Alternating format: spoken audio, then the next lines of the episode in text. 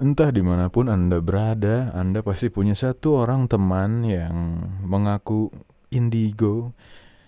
Yang cara membedakannya adalah ketika kita sedang menceritakan hal-hal yang horor, dia selalu ada starter packnya adalah, eh gue tuh kemarin ngeliat penampakan tahu di sini.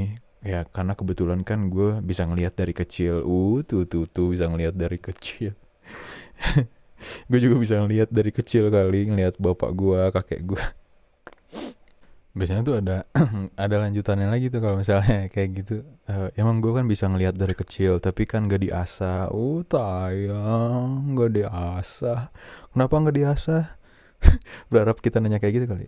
Kenapa gak diasah? Ya soalnya orang tua gak ada biaya. Apaan sih kan? Gak butuh. Apaan sih gue gitu maksud gue padahal kalau diasah sayang loh kalau diasah. Mungkin kamu bisa jadi Doctor Strange Padahal kalau diasah kamu bisa jadi penerus Naomi loh. Itu Naomi kan ketua Naomi nggak teman-teman kan? Naomi itu ketua Indigo Indonesia loh. Kamu bisa mengikuti jejaknya ada jenjang karirnya loh. Itu kan kalau kalau lihat Sarah Wijayanto, Jul, Jurnal Risa, siapa lagi? Itu kan hitungannya udah PNS dalam dunia Indigo. Coba kamu asah. Ah, kamu nggak tahu sih hal-hal kayak gini bisa jadi menguntungkan. Gak diasah.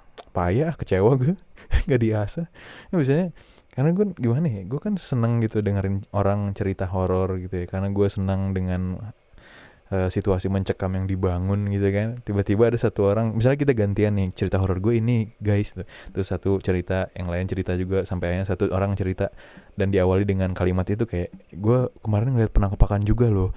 Tapi emang kebetulan kan emang gue bisa ngelihat dari kecil ya. Uh berasa ceritanya paling valid sendiri paling superior sendiri ya kayak kayak you better believe me. Gue bisa ngelihat dari kecil. Gue indigo loh gitu. Sudah verified. Ini siapa yang ngundang Mesaya nih? Di Chosen One ke sini gak gitu lah maksud gue gue kalau udah ada orang yang ngomong kayak gitu loh meskipun ceritanya asli I don't care. Eat my dick gitu. Udah. Emang gue bisa ngelihat dari kecil. So what? So what? Gitu maksud gue males gue udah dengernya udah udah ah nggak asik ya nggak asik Nggak maksud gue dengan banyaknya fenomena orang yang mengaku indigo, kayaknya sudah saatnya Indonesia tuh menyediakan uh, sertifikasi untuk para indigo gitu. Harus ya, harus ada uji komnya gitu. Tapi gue ngebayangin uji komnya gimana ya? Mungkin ada satu orang pinter yang memang sudah verified bisa bisa ngelihat hantu siapa ya? Om Hao, Om Hao ya kan. Dia udah bisa ngeliat setan kan. Terus ada lima orang pelamar yang misalnya mau jadi CPNS Indigo nih. Tugasnya adalah Om Hao sudah melepas satu makhluk dan lima orang itu harus mendeskripsikan makhluk seperti apa yang sudah dia lepas di situ. Yang paling mendekati dengan terawangannya dia, dia yang lulus jadi PNS. Weh, Eureka, Eureka, mantap. Kayaknya sih kayak gitu ya harusnya. Jadi orang-orang tuh nggak sembarangan bilang gue tuh indigo tanpa ada buktinya gitu karena kita nggak tahu mana yang asli mana yang enggak entah dia benar berbakat atau hanya delusional aja gitu ya kan. Tapi ada nggak sih bedanya indigo sama orang pinter gitu? Ya gak sih? Kan kita lihat ini orangnya emang orang pinter dia bisa ngelihat gitu loh. Karena hal-hal kayak gini sering kali gue nggak bilang semuanya ya tapi ada sering kali yang malah jadi negatif gitu yang jadi toxic Contoh kayak waktu SMA ada temen gue yang dituduh maling maling uang kas dengan jumlah yang banyak. Dituduhnya karena apa? Karena ada satu orang murid yang berkata bahwa bapak gue tuh bisa ngelihat loh yang kayak gitu-gitu. Bapak gue orang pinter dan lo tahu bapak gue ngelihat siapa dalam bayangannya? Ngelihat si A. Akhirnya si A dituduh anjir kayak what the heck? Nasib orang lo itu kasihan lo orang itu dituduh lo. What the fuck itu bisa aja kayak gitu ya? Contoh lain nih mak gue mak gue tuh vertigo kata dokter vertigo bener emang ada penyakit bawaan gitu mak gue. Vertigo muter gitu kan di, kan di kantor tuh palanya muter bukan literally muter palanya gitu ya emang apa emang mak gue pajangan mobil bukan. Muter gitu loh bebayang gitu muter pusing. Terus ada tiba-tiba satu orang nyamperin dia ibu kayaknya ibu ini dijailin ibu. Terus emak gue bilang sepertinya iya gitu kan. Emak gue emang gampang percaya sama gitu-gitu ya kan. Sepertinya iya kok kamu tahu? Iya saya tahu bu. Saya emang bisa ngelihat dari kecil. Waduh gitu kan. Ini ibu minum pil RX ini gitu. Enggak dong. Masa mau gue disuruh boti ibu minum pil RX ini dan mulai menarilah bersamaku. Gitu enggak lah. Terus dibilangin kayak iya ibu ini ibu dijailin. Ibu karena dulu pernah punya masalah sama si A kan? Sama gue bilang iya betul. Iya gitu. Akhirnya jadi apa? Akhirnya jadi seuzon ya kan? Ya itu gitu jadi akhirnya jadi antisipasi terus sama orang itu. Kayak ih kayaknya orang ini sedang melakukan sesuatu nih untuk gue nih. Fudu fudu. Aduh. Kan? Jadi jadi seuzon gitu kan? Toksiknya tuh di situ gitu loh. Karena pasti ada satu orang teman kita yang selalu membawa semua hal kerana mistis gitu. Misalnya kita lagi sakit pala gitu. Aduh aduh. Palaku cekot-cekot gitu kan terus dia megang pala kita datang terus dia bilang ini sih ada yang jahilin orang deket nih.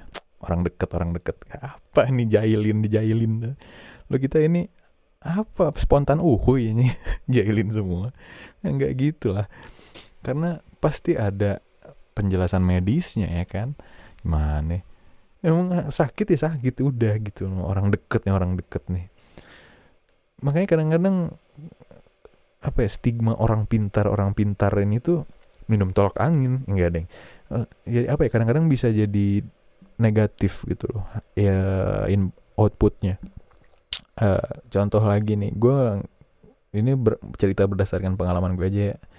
Nenek gue tuh dulu dua tahun yang lalu difonis cancer. Almarhum nenek gue difonis cancer sudah stadium akhir. Tapi belum ketahuan tuh di mana uh, senternya si cancernya itu dan sudah tua katanya jangan di kemo lah kata keluarga gitu. Emang nggak bisa di kemo juga kayaknya nggak tahu deh gimana. Akhirnya keluarga memutuskan untuk membawa nenek gue ke pengobatan alternatif. Gue kira alternatifnya tuh yang masih diobatin pakai yang herbal herbal gitu ternyata enggak. Dibawanya tuh ke bapak kiai gitu nih. Maaf nih sorry nih ya bukannya gue mencoreng nama kiai. Enggak sih ini orang yang mengaku kiai dia bilang orang jadi pengobatan itu didoain doain doang kayak nggak ada medisnya nggak ada diobatinnya gitu. Gue ngelihat kok nenek gue jadi kan harus rawat inap di tempatnya dia itu. Di pesantrennya dia rawat inap selama sebulan dan bayar tentunya bayar uang penginapannya gitu. Sama sebulan nenek gue di sana gue ngelihat setiap kali nenek gue diobatin karena waktu itu gue sempat ngurusin juga nenek gue tuh diobatinnya cuma ditepok-tepok doang gitu lututnya kayak sembuh sembuh sembuh. Itu pencet-pencet gitu lututnya sembuh sembuh. Perbanyak istighfar. Nenek gue kayak aduh aduh gitu doang. Kayak apa nih nenek gue kok tepok-tepok dipencet-pencet tuh? Nenek gue cancer bukan masuk angin gitu bener perbanyak istighfar betul. Tapi kan tetap harus ada ikhtiarnya juga dong ya kan? Dikasih obat gitu loh. Ini mah enggak doain doang. Gue percaya dengan kekuatan doa. Tapi kan tetap harus ada ikhtiarnya dong ya kan? Bawa ke dokter gitu loh. Nah salahnya mungkin waktu itu ya dibawanya ke kiai itu gitu. Maksud gue ya kan Tuhan pun bilang Tuhan menitipkan menitipkan kesembuhan di tangan para dokter gitu kan? Karena dokter tuh berilmu untuk ngasih tahu ini penyakitnya apa dan diobatinnya pakai apa. Ini mah enggak gitu cuma didoain doain doang. What the dan tentu saja selama satu bulan di sana nenek gue nenek gue keadaannya memburuk gitu sangat memburuk. Wah dari awalnya masih bisa makan masih bisa ngomong sampai di sana tuh udah nggak bisa ngapa-ngapain lagi. Satu bulan tuh udah nggak bisa gimana gimana udah kayak diem kaku gitu. Sudah ada masih bernyawa tapi udah nggak bisa ngapa-ngapain. Sampai akhirnya suatu malam Pak Kiai bilang katanya eh maaf ini keluar, datang ke keluarga gue Pak Kiainya kayak maaf saya sudah berusaha semampu saya cek gitu kayak dokter-dokter di sinetron maaf saya sudah uh, berusaha semampu saya tapi maaf uh, neneknya harus pulang malam ini. Nah apa nenek gue jadi dieliminasi gitu? Neneknya harus pulang malam ini karena tidak tampil maksimal gitu. Gimana maksud gue lu kira apa nih suci anjir Indonesian Idol, The Boys, The Boys, enggak gitu loh. Kenapa nenek gue dieliminasi gini? Neneknya harus pulang malam ini, dibawa pulang aja katanya. Ya mau gimana lagi ya kan? Keluarga sudah merasa bahwa ini ikhtiarnya dengan menyerahkan diri pada Allah Subhanahu Wa Taala gitu kan. Jadi ya udah, mungkin Pak Kiai memang sudah berusaha semampunya, ya, ya dia udah dibawa pulang gitu loh akhirnya nenek gue dibawa pulang keadaannya sudah memburuk kulitnya sudah menguning mungkin ada komplikasi dari hati juga. Tentu saja lah ya gimana nggak diobatin? Dikasih air air doa doang gimana? Akhirnya nenek gue pun di rumah sudah nggak bisa ngapa-ngapain. Akhirnya keluarga memutuskan untuk akhirnya membawa ke rumah sakit dan akhirnya nenek gue menghabiskan sisa hidupnya di rumah sakit gitu. Dan uh badannya udah kuning bro serius udah kuning gitu kayak jadi ini kalau ada saudara gue yang mengaku indigo terus megang nenek gue terus bilang ini dijailin ini, ini dijailin ini dikirimin setan SpongeBob nih enggak gue gue tampol tuh orang gue tendang lehernya terus terus dah neneknya kuning kayak gini kayak kemasukan setan SpongeBob nih. Anjing itu orang gue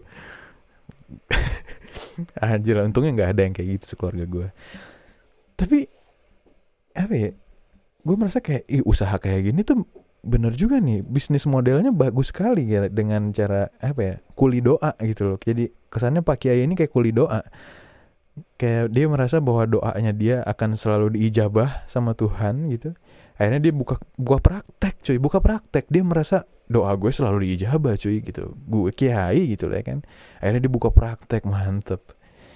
Dia merasa bahwa mungkin keajaiban bisa datang padanya setiap hari gitu. Nenek gue bayangin nenek gue cancer stadium 4 kalau bukan keajaiban atau mukjizat dari Allah tuh apalagi yang bisa menyembuhkan dia ya kan dan Pak Kiai ini sepertinya merasa bahwa kesembuhan atau ke keajaiban tuh akan datang padanya setiap hari sehingga nenek gue dibawa ke situ dia tahu dia akan menyembuhkannya dengan doa-doa itu. Dia merasa doanya dia paling dengar oleh Tuhan sampai akhirnya dia buka praktek.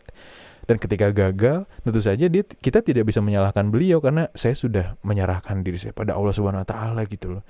Kalau kalian mau protes berarti kalian protes sama Allah Subhanahu wa taala. What the? Enggak lu, maksud gue lu tuh jadi kuli doa, maksud gue tuh jadi salah. Lu merasa doa lu paling mustajab gimana gitu nah, salah sih pokoknya sih gue nggak nyebut namanya di mana ya tapi yang jelas ada lah gitu pengalaman gue.